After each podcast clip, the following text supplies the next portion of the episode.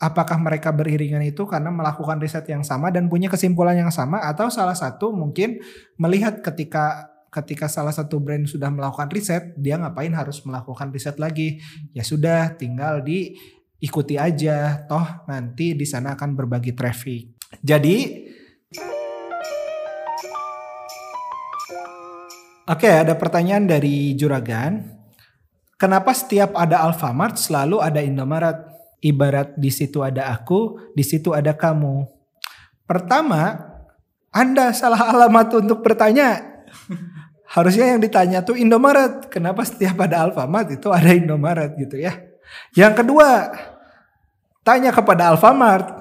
Kenapa dia diikuti terus sama si Indomaret? Nah ini kan pertanyaan yang kalau saya jawabnya nggak pas ya kurang lebih seperti itu cara menjawabnya.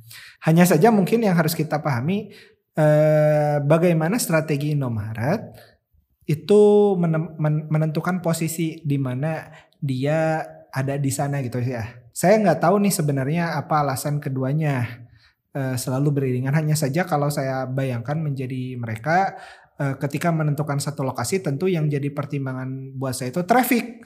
Berapa banyak orang atau customer segmen saya yang lewat ke satu jalan tertentu. Nah, dan apakah mereka beriringan itu karena melakukan riset yang sama dan punya kesimpulan yang sama atau salah satu mungkin melihat ketika ketika salah satu brand sudah melakukan riset, dia ngapain harus melakukan riset lagi? Ya sudah, tinggal diikuti aja. Toh nanti di sana akan berbagi traffic. Gitu sih. Jadi poin intinya uh, ini kajian dari bisnis intelligence-nya masing-masing untuk menentukan lokasi yang strategis. Bisa jadi salah satu di antara keduanya melihat lokasi yang lain untuk memperkuat data kajian mereka. Kurang lebih seperti itu, semoga membantu.